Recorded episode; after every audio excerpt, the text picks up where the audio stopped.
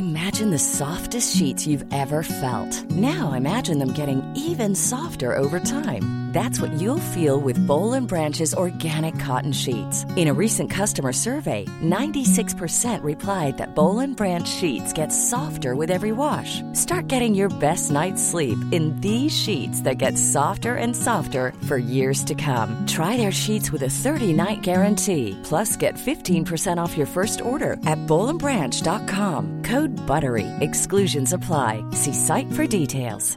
There's never been a faster or easier way to start your weight loss journey than with PlushCare. PlushCare accepts most insurance plans and gives you online access to board-certified physicians who can prescribe FDA-approved weight loss medications like Wigovi and Zepbound for those who qualify. Take charge of your health and speak with a board-certified physician about a weight loss plan that's right for you. Get started today at plushcare.com slash weight loss. That's plushcare.com slash weight loss. plushcare.com slash weight loss. Millions of people have lost weight with personalized plans from Noom, like Evan, who can't stand salads and still lost 50 pounds. Salads, generally, for most people, are the easy button, right? For me, that wasn't an option. I never really was a salad guy. That's just not who I am. But Noom worked for me. Get your personalized plan today at Noom.com. Real Noom user compensated to provide their story. In four weeks, the typical new user can expect to lose one to two pounds per week. Individual results may vary.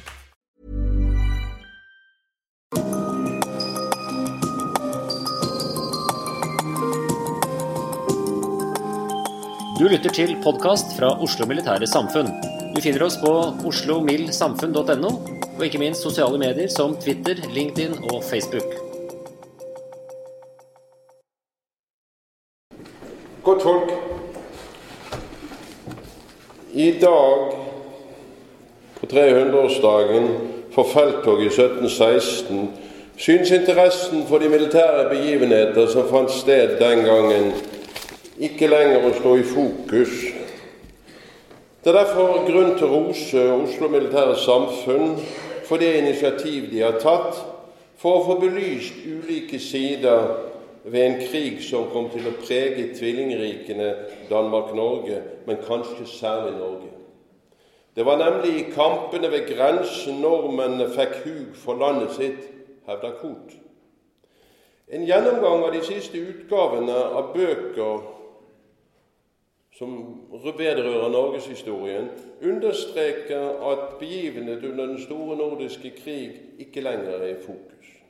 To spalter på under én side er alt vi finner om denne delen av historien i vårt nyeste historieverk, 'Norvega bind 2. Mens tidligere historieverk inneholdt et langt større side. Og så er jo mitt spørsmål til dere hvorfor er det blitt slik? Kan det være at historien ikke lenger bare er et produkt av fortiden, men at den mer og mer er blitt et produkt av nåtidens ønsker og behov? For i dag er vi tydeligvis mer opptatt av samtiden enn fortiden. Ifølge tradisjonene lykkes det norske forsvaret i dette felttoget å danne slagkraftige og kapable militære enheter og å mønstre militære strateger og taktikere som fullt ut kunne måle seg med fienden. I tillegg kunne Forsvaret trekke veksler på bondesamfunnet og borgerskapene i byene. Alt dette gjorde det mulig å beseire de svenske angriperne. Så er det mitt spørsmål var det virkelig slik, det som skjedde den gangen for 300 år siden? Eller var fortellingen fra dette felttoget et ledd i oppbyggingen av en nasjonal kultur og identitet ved bruk av historie, minner og myter? For de norske triumfene i enkelte mindre trefninger skyldtes kanskje like mye svenskekongens like gjennomtenkte planer som nordmennenes militære evner. Seieren bidro likevel til å stive opp nordmennenes moral. Forsvarskrigen i 1716 ble imidlertid ikke den nasjonalpatriotiske folketradisjonen som tradisjonelt eh, tradisjonen har fremstilt det som, hvis vi skal tro historikerne. Til det var nemlig tapstallet og omkostning under den store nordiske krig altfor høy. Det kildene kan fortelle oss, er at disse kampene ga opphav til en rekke myter om den norske krigsinnsats. Ikke sjelden, men underforstått brodd mot den danske. Det var en klar forskjell mellom holdningen nordmennene hadde til sin egen nasjonale legdsherr, og de holdningene danskene la for dagen overfor den vervete, unasjonale landkrigsmakten sin, understreker historikeren Ståle Dyvik. Det er således snakk om en mental mobilisering. Hovedtemaet her i aften vil derfor være å tegne et bilde av de ulike operasjonene under felttoget. Herunder også å se litt på noen av de mange mytene. Tapstall blant de militære og de sivile som følger krigen, vil også bli kommentert. For disse synes nemlig å være mye høyere enn vi tidligere antatt. Jeg har bevisst valgt å formidle det jeg har på hjertet, i en muntlig form uten bruk av overhead.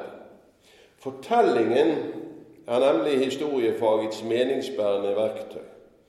Den fortidige virkeligheten er ikke meningsbærende i seg selv, skriver Hayden White. Det er først gjennom vår historiefortelling at deler av fortiden blir gitt mening. La oss starte med spørsmålet hvorfor ble det krig i 1716? Og Da må vi altså gå tilbake til de diplomatiske bilder av Europa gjennom 1600- og 1700-tallet. Og Da kan vi tegne et bilde av gjensidig rivalisering mellom stater i vårt nærområde. I Norden hadde Danmark, Norge og Sverige inntatt posisjon som erkefiender, og skiftende allianser bød periodevis på store utfordringer. Fokus ble imidlertid etter hvert flyttet sydover. Nå ble det Tyskland, Polen og Russland som ble hovedkrigsskueplassen. Det var bare når Sverige ble møtt som en av motstanderne i Tyskland, at konflikten truet å spre seg til Øresundregionen eller til Norge. Etter det svenske nederlaget ved Poltava i 1709 sluttet Fredrik 4. forbund med den russiske tsaren og sendte en hær over til Skåne. Men den ble snart kastet ut igjen. Et planlagt overfall fra Norge kom ikke i stand før i 1711 og ble uten større betydning. Men så begynner ting å skje. Ved juletider i 1715 kom Karl 12. tilbake fra sitt opphold i Ukraina og Tyrkia. Da var det svenske nederlaget på tysk jord i ferd med å bli et faktum. Og den krigsglade svenske kongen så for seg Norge som en mulig erstatning. Han mente nemlig at Danmark-Norge utgjorde det svakeste leddet i alliansen mot Sverige, og han ønsket derfor å slå ut dette kongeriket først. Før vi da går videre, så bør vi nevne noe om det forsvaret Norge hadde den gangen i 1716. Det er ikke sikkert at vi husker det like godt alle sammen. For den norske hæren som møtte svenskene under dette felttoget, det var nemlig en nasjonal, utskrevet hær rekruttert fra bondesamfunnet. Innslaget av utlendinger i offiserskorpset var relativt stort, selv om vi etter hvert finner flere og flere norskfødte. Plikten til å stille soldater var en byrde som hvilte på jordeiendommene på landet. Byene var holdt utenfor.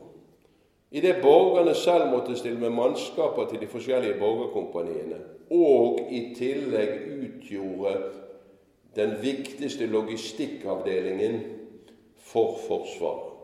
De skaffet mat, de laget klær, og de var faktisk ansvarlig, skal vi skal se i felttoget, for å forsyne hæren med mat. Og ellers hadde de sultet igjen. Så Hæren ellers var basert på legdsinstitusjoner og på regiments- og kompanioppsetninger. Og Da var det altså et bestemt antall gårder som dannet et legd, som hver skulle stille og underholde én soldat. Og Mannskapene skulle tas blant ugifte, unge menn som enten var født i legde, eller som tjente det. Og fantes det ingen slike legde, skulle det tas inn fra det legde i sognet som hadde flest unge menn. Ved sesjon skulle alle unge menn i de vakante legdene møte frem, slik at de best skikkede kunne bli uttatt. Altså en ordning som vi møter i dagens verneplikt. Men det som er spesielt, er altså at legdsoldatene blir pålagt krigstjeneste som et særlig yrke, mens alle andre borgere var fritatt for tjenesteplikt. Og utenom de periodene mannskapene var ute i felt eller kalt inn til øvelse, bodde og arbeidet de i legdet. Og også mesteparten av befalet bodde i distriktet i nær kontakt med mannskapet. Og Det betyr jo i praksis at dette var en arbeidskraftreserve for bygden, for legden.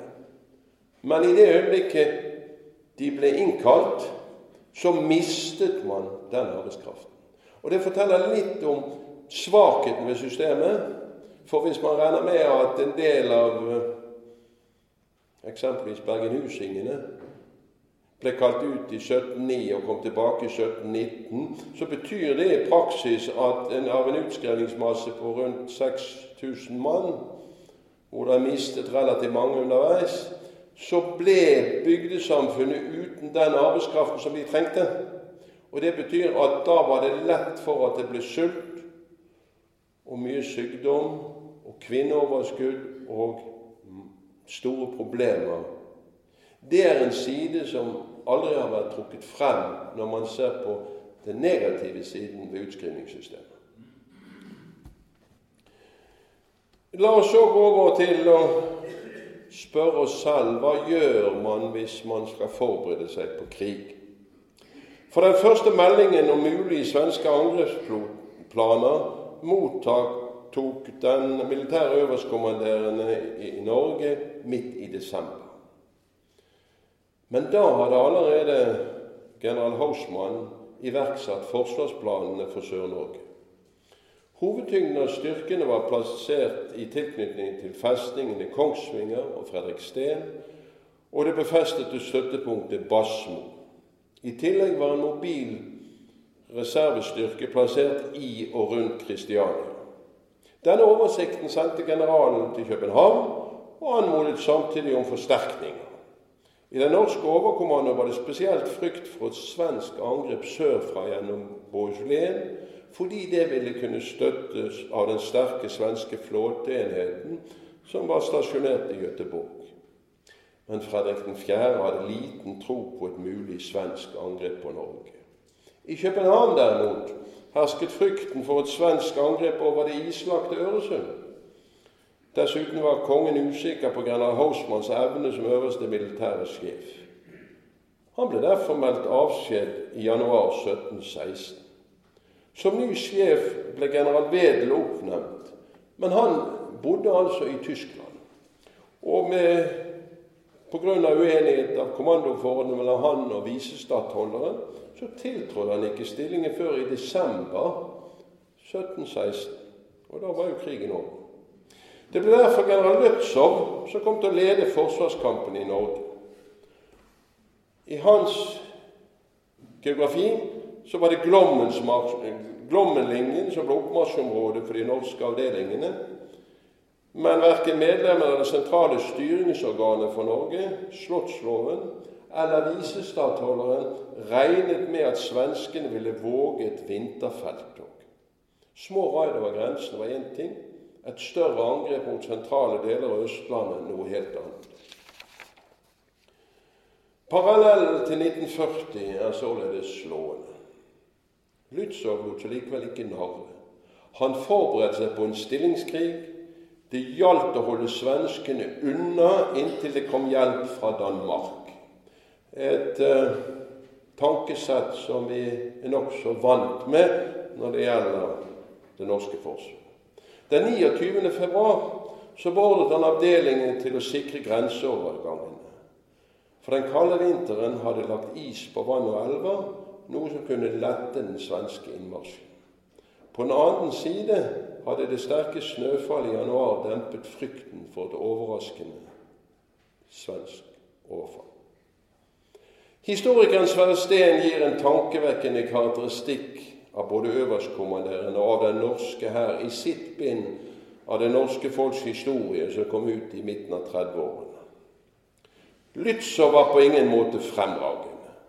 Hans valgspråk må visst ha vært la oss vente. I begynnelsen av 1716 var norske hær sterkt svekket, understreker forfatteren. 5000 mann av de mest krigsvante avdelingene sto i Danmark. Allikevel kunne Norge med reserver av alle slag stille bortimot 19 000 mann. Det var godt stoff i legdsoldatene. Under god ledelse kunne hæren forsvare seg ypperlig. Men det skortet på øvelse. Derfor ble angrepskraften liten, understreker Steen. Blant offiserene var det ingen fremragende førere, men de fleste var jevnt gode. Mange var personlig tapre, skapt til å bli folkehelter og falle, men ikke til å vinne en krig. Hele hæren i Norge var lite krigsfolk. Det samme gjaldt organiseringen av forsyningstjenesten. Visestattholderen valgte heldigvis å overlate provianteringen til fire borgere fra Dragenes. Ellers, understreker Steen, hadde hæren sultet i hjel. Men det gikk også utover bøndene. Med så mange innkalte måtte det få konsekvenser. Mannskaper og hester som ble utkalt, kunne bli lenge borte, og med dem forsvant dyrebar arbeidskraft midt i våronna, den viktigste arbeidsperioden i jordbruket. I tillegg ble bøndene som er igjen i krigsområdene, pålagt en voldsom skyssbyrde. Samtidig fremstår de norske tapstallene som skremmende hvis vi sammenligner med krigsdødsfallet fra 9. april 1940 til 8. mai 1945. I løpet av disse årene omkom i alt 10.262 personer. For Hærens del alene utgjorde dette 765 falne. Vi mangler en total oversikt over antall falne, men en følgende eksempel vil vise sitt. Av en utskrivningsmasse på 5663 mann ved det bergenhusiske regiment er antall døde i løpet av felttoget 1709 til 1719 oppgitt til nesten 1400 mann. Langt flere ble invalidisert pga. fysiske eller psykiske skader. Men for denne gruppen foreligger det selvfølgelig ingen statistikk. Derimot har vi data som viser et stort kvinneoverskudd og voksende sosial uro og fattigdom både på landsbygden og i byene som følge av denne krigen. I tillegg rammet flere sykdomsepidemier store befolkningsgrupper, som førte til at folketallet holdt seg nede på et lavmål. Byrdene som påhvilte leggene i fredstid, var tung. Men som det fremkommer av tallene fra det bergenhusiske regiment, var byrdene langt større i krigstid. Om en mann falt i kamp, døde av sykdom eller deserterte, så måtte legdet stille og utruste en ny mann på samme måte som den første. Og dersom han også ble revet bort, måtte legdet stille og ruste ut en tredje. Ble krigen lang, hendte det ofte at et legg måtte stille i tur og orden opptil fem-seks mann. Det er derfor ikke vanskelig å forstå hvorfor bøndene var negative til utskrivningen av soldater. Da har vi bakgrunnen klar for oss. Det er dette Forsvaret som altså skal møte den profesjonelle svenske armeen. Og den 8. mars, et vidunderlig dato for de av oss som tenker I 1716 sto svenskekongen klar til å rykke over grensen. Uker i forveien så hadde han da begynt å samle tropper, forsyninger, krigsmateriell som ble utplassert i lagre og magasiner ved grensen. Og Denne styrkeoppbyggingen var kjent for general Lützow. Men da angrepet kom, så avvek dette fra de forestillingene han og de øvrige generalstabsoffiserene hadde av de svenske krigsplanene. Det er jo også nokså vanlig.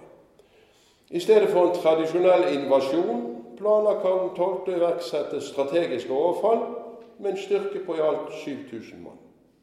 Hensikten var å slå seg gjennom de norske forsvarslinjene, besette Kristiania i en knipenarmanøver og deretter ta kontroll over Østlandet. Fra Värmland ville kongen selv lede et fremstøt med 3000 mann over Høland til Fet, for så å ta landeveien til Kristiania over Lørenskog. Her var styrkeforholdet fire til én i svensk favør. Og fra grensen mot Dalsland skulle så generalløytnant Carl Gustav Mørner med 4000 mann rykke forbi Fredriksten festning og Fredrikstad for å besette Moss, og deretter gå mot hovedstaden. Også her var den svenske overmakten betydelig.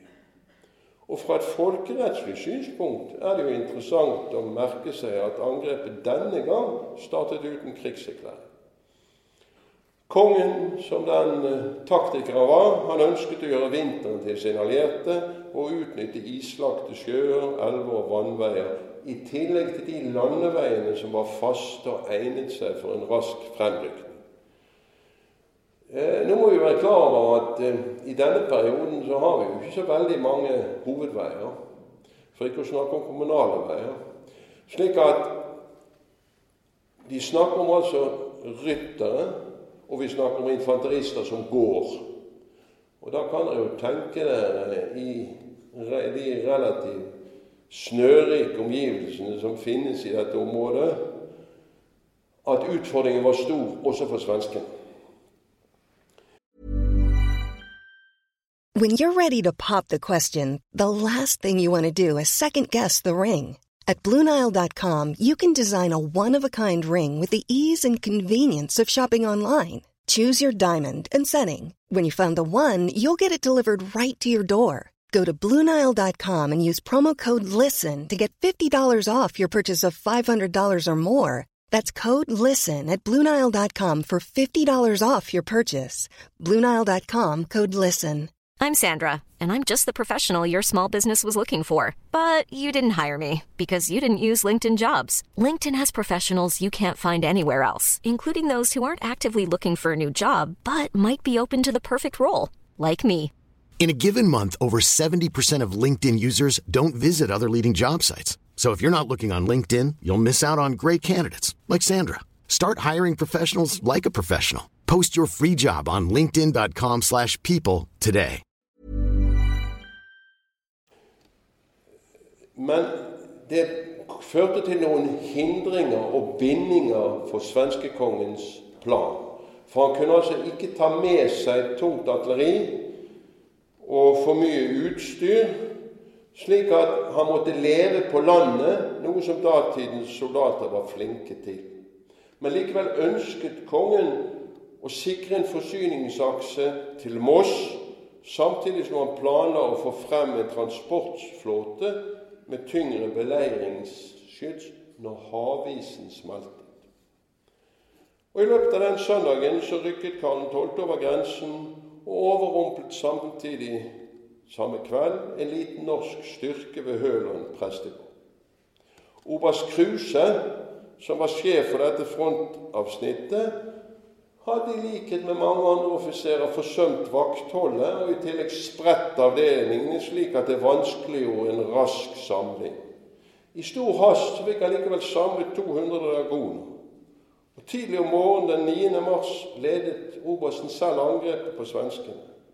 Hadde han ventet noen timer til på forsterkninger, så kunne han gjort et virkelig kupp, for svenskene var utkjørt etter en lang marsj i dyp snø og kongen hadde som vanlig sørget lite for sin personlige sikkerhet. Han var en dag med å slåss i forreste linje. Kruse og hans folk kjempet en djerv og modig kamp, men led et komplett nederlag mot en langt sterkere svensk avdeling. Dermed lå veien åpen for svenskene. Men så kom Vår Herre inn. En plutselig snøstorm gjorde at kongen og hans kampgruppe ble sittende værfast i hele tre dager, og det snore snøfallet hindret og sinket fremrykningen. Da general Lützow fikk melding om det norske nederlaget, ga han umiddelbart ordre om full tilbaketrekning over Glomma til nye forberedte stillinger ved Gjelleråsen og Bakåsen. Avdelingen i sør trakk seg tilbake til Fredrikstad og Fredrikshall. Alle forsto nå at det svenske angrepet gjaldt Kristiania. Den 12. mars fortsatte svenske kongen marsjen i all hast. Han var smertelig klar over at nordmenn for lengst var varslet, og at de dagene som hadde gått tapt, kunne ha kostet ham det overraskelsesmomentet som sto helt sentralt i krigsplanen hans. De norske stillingene ved Bakåsen og Gjelleråsen var for sterke til å stormes, og svenskekongen valgte derfor å foreta en omgående bevegelse og nådde den 22. mars over isen på Bunnfjorden til Kristiania. Da oppdaget de at byen var forlatt. Slottsloven hadde evakuert til Drammen to dager før sammen med en rekke av byens borgere. Men store forråd av matvarer og høy hadde nordmenn ikke rukket å ta med seg, noe svenskene viste å dra nytte av under den flere måneders lange beleiringen. Enkelte historikere hevder at Karl 12.s erobring av Kristiania var en del av den norske forsvarsplanen. Blützow hadde evakuert byen for å vinne tid og for å få muligheter til å vente på forsterkninger fra Danmark, skriver vår Pell. Bare slik kunne han ha håp om å bevare sine egne stridskrefter og forberede et motangrep når våren kom. Da ville isen være smeltet, og skip med forsterkninger kunne nå Norge. Samtidig var det om å gjøre å hindre svenskekongens ønske om å fremtvinge en hurtig militær avgjørelse. Her gjaldt det å utnytte lende for å vanskeliggjøre den svenske angrepstaktikken. Angrepet på Norge var ifølge Sverre Steen dårlig forberedt, og hele felttoget fremsto mer som en storstilt demonstrasjon enn et alvorlig erobringsforsøk. I de følgende ukene foregikk kampene på ulike steder. Hovedtyngden av de svenske avdelingene la seg rundt Akershus for å erobre denne hovedfestningen. Men han kan jo gå en runde selv på festningen og se og skjønne hvordan han ikke kunne klare det når han ikke hadde skyts til å slå hull på murene, eller hadde dekningsild til å kunne bruke stier og klatre opp. Så beleiringen av festningen gikk dårlig for svenskene. Han hadde tatt byen, men kunne altså ikke erobre Akershus pga. mangel på skyts. Den norske hæren lå ubeseiret foran ham, og i ryggen hadde han Fredriksten festning, som truet den viktigste forbindelseslinjen hans hjemme. Etter besettelse av Kristiania gikk krigen derfor over til å bli en kamp om veiene vestover byen. Fremrykning på en bred, samlet front var ikke mulig, og skyttergravkrig for det meste utelukket. Den som behersket veiene, var herrer i landet. Samtidig kom det en dårlig nyhet fra sør. De svenske avdelingene som skulle sikre Svinesund, ble utsatt for hyppige overfall. Bl.a. ødela nordmennene trematerialet som var samlet der for bygging av en flytebro for transport av det beleiringsskytset som en gang skulle komme sjøveien fra Göteborg. Tanken om et frontalangrep mot den norske styrken vest for Kristiania ble derfor oppgitt. I stedet for ble det gjort to forsøk med omgående bevegelser for å falle de norske styrkene i ryggen. Det første skjedde med 800 mann over Hadeland og Ringerike, men ble stoppet ved Norderhov prestegård den 29. mars. I april rykket svenskene frem i området Lommedal og Krokskogen. Også her ble det etter hvert slått tilbake, bl.a. ved hjelp av norske frivillige. Nordmenn hadde likevel ikke bare holdt seg til defensiven under disse angrepene. Den 26. mars gjennomførte de et raid mot den svenske depotavdelingen i Moss og tok over 400 fanger. Fra Fredriksten har de stadig også plaget svenskene noe som førte til at sikringsavdelingen trakk seg tilbake til Sverige den 7. april.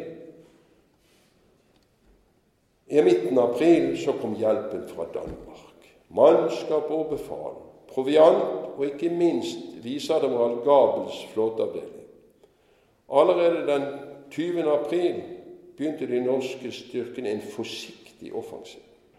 I samarbeid med flåten tok de norske hæravdelingene kontroll over Moss og denne gangen ble 500 svensker tvunget til å overgi seg.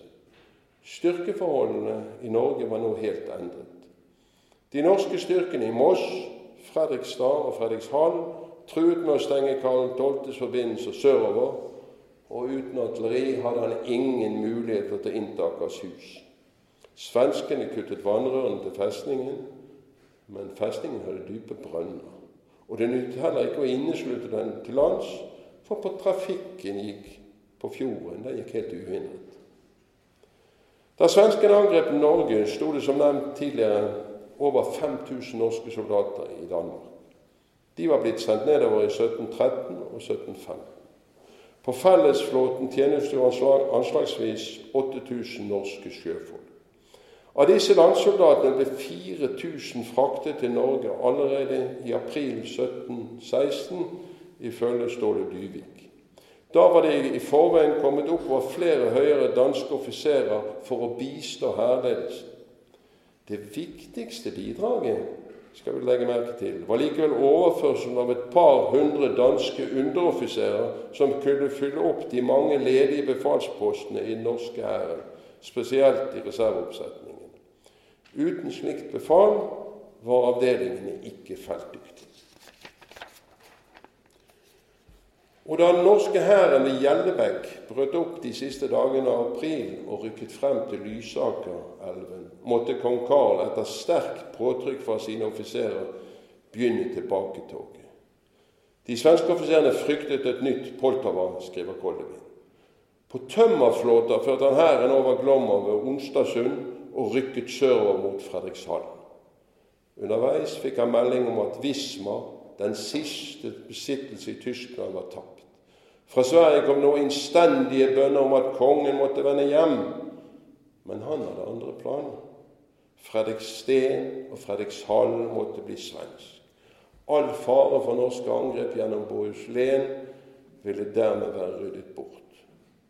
Både byen og festningen lå ved den strategisk viktige innfartsveien til Norge og ble betraktet som nøkkelen til å vinne Sør-Norge. Svensk herredømme over dette området ville bety en konstant trussel mot det norske forsvaret. Derfor gikk kongen til angrep i håp om å overraske garnisonen i Fredrikshavn. De norske styrkene hadde gradvis sikret seg kontroll over områdene vest for Glomma, og forbindelse med Danmark sørget den dansk-norske flåten for. Men nå gjaldt det å hindre svensk kontroll over Fredriksten og Fredrikshavn. Men general Lützow nølte. Ifølge Mynte ville hærledelsen intet våge, og forble utgruppert i stillingsområdene bak Lom. Forsvaret av byen og festningen ble dermed overlatt til garnisonen under kommandanten oberstløytnant Bru, og borgervæpningen under brødrene Kolbjørnsen, samt admiral Gabels flåte, som skulle sperre sjøveien for svenskene. Svenskene manglet fortsatt beleiringsskyts, men kongen hadde ikke tid til å vente på transportflåten som lå i Dynekilen, innesperret av dansk-norske krigsskip. Natten til 4. juli lykkes det Karl 12. å rykke ubemerket frem med en stor styrke. Og det i seg selv er litt av en bragd. For altså en julinatt, tidlig julenatt er det rimelig lyst. Men altså, han klarte faktisk å erobre byen, men et forsøk på å storme festningen var totalt mislykket. Det skulle dessuten også vise seg at erobringen av Fredrikshall i virkeligheten ble et nederlag. Størstedelen av troppene som lå i byen, reddet seg nemlig inn i festningene, og svenskene ble utsatt for et voldsomt bombardement ovenfra. Midt under denne beskytningen satte borgerne selv fyr på byen og de svenske avdelingene måtte trekke seg tilbake. En tredjedel av angrepsstyrken falt, men kongen ville ikke gi opp. Hvis skipene fra Dynekilen nådde frem, kunne han kanskje likevel erobre festningen. Men verken skip eller skyts nådde frem. Før vi går over til Dynekilen, så bør vi lufte litt dette med at borgerne selv satte fyr på byen. Eh, ifølge kildene så ga en av borgerkapteinene ordre om at sett fyr på mitt hus. Og det er klart at i, i datidens trehus så begynner det å brenne. Men vi må være klar over at den store offervilje som tilsynelatende nasjonalsang og andre trekker frem, nok ikke innebærer hele, den hele og fulle sannhet. Men det er klart at eh,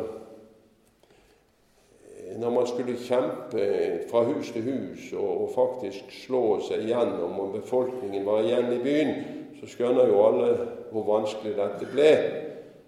Og så valgte man altså da å sette fyr på byen. Men la oss da gå tilbake til dette beleiringsskytset som lå klart i Dynekilen. For tidlig om morgenen den 8. juli så sto Tordenskjold i spissen for sin flåte inn gjennom den trange Dynekilen ikke langt fra Strømstad. Svenskene hadde i sin vurdering antatt at Dynekilen var så trang og vanskelig å manøvrere at de ikke engang hadde satt ut vakter ved innseilingen. Først da Tordenskjold var inne i havnen med sine skader, ble svenskene klar over den kritiske situasjonen de var kommet opp i. Til tross for en heftig beskyting fra to svenske krigsskip og et landbatteri lyktes det inntrengerne å bringe med seg 13 orlogsfartøyer som bytte. 13 skip klarte han å manøvrere med seg ut. Og så hadde han i tillegg senket eller brent hele 31 svenske fartøyer med beleiringsskyts om bord. For Karl 12. så betydde jo dette at han foreløpig ikke har noe annet valg enn å gi opp sitt forsøk på å storme Fredriksten og avbryte det norske feltet. Den 10. juli passerte hæren Svinesund på en flytebom. Fra et landmilitært synspunkt hadde Sverige og Norge og Danmark-Norge begge har hatt muligheter til å angripe hverandre i ryggen.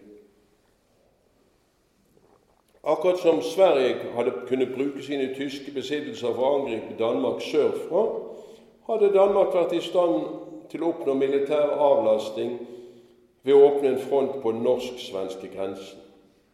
Det nye fra 1716 var at selve hovedfronten nå var flyttet til Norge.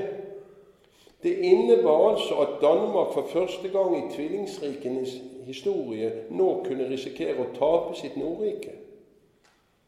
Nederlaget under det første felttoget var tungt for Karl 12. Han valgte likevel å bli stående med anselige styrker i Bohuslän og Dalsland frem til august.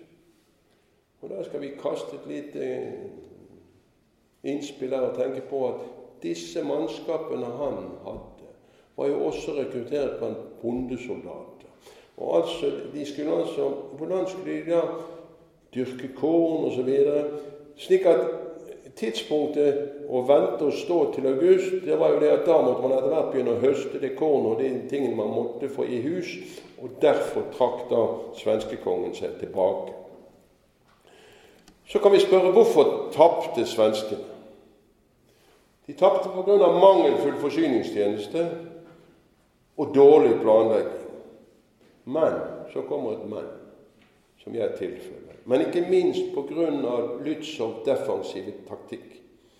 Denne form for krigføring var fremmed for svenskene. Svenskene var ikke vant til det. De, de ville avgjørende slag, og de, de fikk det jo aldri. Og så kommer jo at enhver krig har sine helter, og krigen i 1716 danner i så måte ikke noen unntakelse. Men som gjennom tapperhet vant avgjørende seier eller utmerket seg med dristighet og pågangsmot, ble hyllet av samtiden og husket i ettertid. Det gjaldt også enkelte kvinner som historien vil ha det til lurte svenske. Fortellingen med Anna Kolbjørnsdatter er i seg selv spunnet omkring et paradoks. Hun var kvinnen som ble krigshelt. Prestekonen som lurte, inn, lurte fienden inn i et bakhold av varme og vin. Samtidig illustrerer den skjebnen som fortellingen fikk innen norsk historieskriving. Akkurat som det er blitt lagt lokk på kisten i gravkammeret i Norderhov kirke, slik at vi ikke lenger kan se hennes balsamerte legeme, er de fleste historikere i dag enige om at prestefruen neppe kan ha spilt en avgjørende rolle, som sagnet forteller. Men i samtiden sto historien om Anna Kolbjørnsen sterk. Det samme gjaldt flere fogder og lensmenn som, og bønder som plutselig grep til våpen fordi at svenskene begynte å true deres eiendommer og deres gods. Og soldater var andre steder. Da måtte man altså gripe til våpen. Men det som vi skal merke oss, og som er viktig kunnskap, det er at i perioden 1660 til 1720 så utviklet Danmark-Norge seg til å bli en av de mest militariserte statene i Europa. Det er noe å tenke tilbake på i dag. Dette fremkommer når mannskapsstørrelsen settes i forhold til folketallet. I forhold til folketallet var den danske og norske hæren omtrent like store, men de fikk likevel forskjellig oppbygging. Blandingsforholdet mellom vervet og utskredde mannskaper ble funnet over tid som et kompromiss mellom beredskap og omkostninger. Derfor var det vervete innslaget relativt stort i Danmark, hvor det trengtes et permanent forsvar for statsledelsen og hovedstaden, og hvor den fiendtlige oppmarsjtiden var kort. I Norge gjaldt ikke disse hensynene, så her kunne hæren baseres på utskrivning og gjøres billig. Likeledes ble den tunge del av flåten stasjonert i København.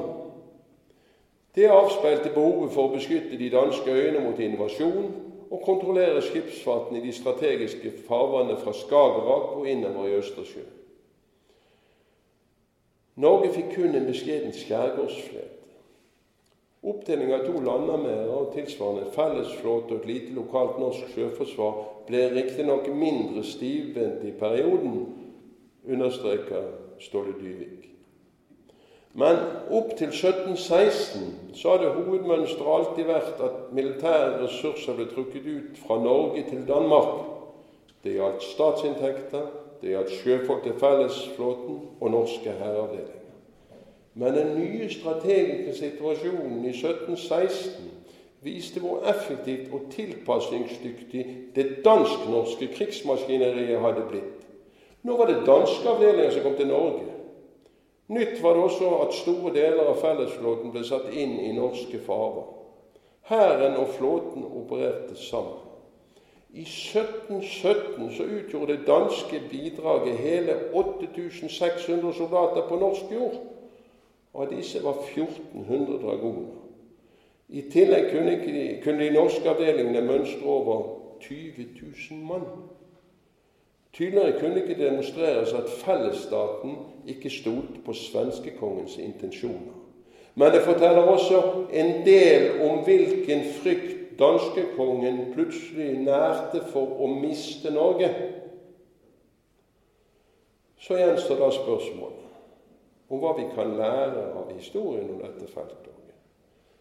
Og mitt spørsmål er kan vi i det hele tatt lære noe av historien? Ja, altså historien om fortiden kan gjøre samtiden klarere. Halvdan Koht, som eh, mange av oss husker som utenriksminister, men glemmer at han var en anerkjent historieprofessor, har et budskap som vi bør lytte til. Han skriver følgende Det som hver en historiker må prøve på, er å forklores i egen tid og spørsmålet må struktureres ut fra en vurdering av hva som er presserende nå. Det som historikeren uvilkårlig må gjøre, det som i det hele gjev arbeidet hans mening og mål, det er at verket han gir svar på spørsmål som lever i samtid. Og hva er det vi som forsvarsvenner er opptatt av i dag? Jo, lite nok for at vi i det hele tatt kan si av vi har et forsvar. Hva var styrken med det forsvaret vi hadde for 300 år siden? Kan vi lære noe av det? Og det er vel min påstand at uh, hvis du setter deg ned og sammenligner dagens situasjon, dagens trusselbilde og datidens trusselbilde, og ser hvilke løsninger man valgte den gangen, så uh, virker det rimelig fornuftig selv om altså Sverre Steen mener at general Lützow var for opptatt av å vente og ikke ta noe initiativ, la de andre mase seg ut. Og hvis vi tenker på lende, med snø, tungt så, så er det klart at uh, den taktikken virket, den. For hjelpen kom. Fordi at danskekongen var begynt å bli klar over at han kunne risikere å miste Norge hvis ikke han stilte soldater opp. Og Det hører med til historien at uh, i 1717 så måtte jo en god del av de danske soldatene returnere til Danmark fordi at de ble syke i Norge. Og Det forteller jo også litt om hvorfor det gikk som det gikk i 1718, da svenskekongen nok en gang forsøkte å ta Fredrikshald og døde der. For da startet man felttoget om høsten og ikke om vinteren. Med det takk for oppmerksomheten, og vi er åpne for spørsmål.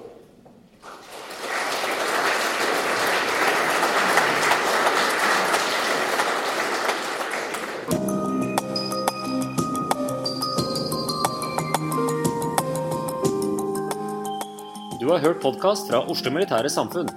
Besøk vår hjemmeside oslomildsamfunn.no, og besøk oss gjerne på sosiale medier som Facebook, Twitter og LinkedIn.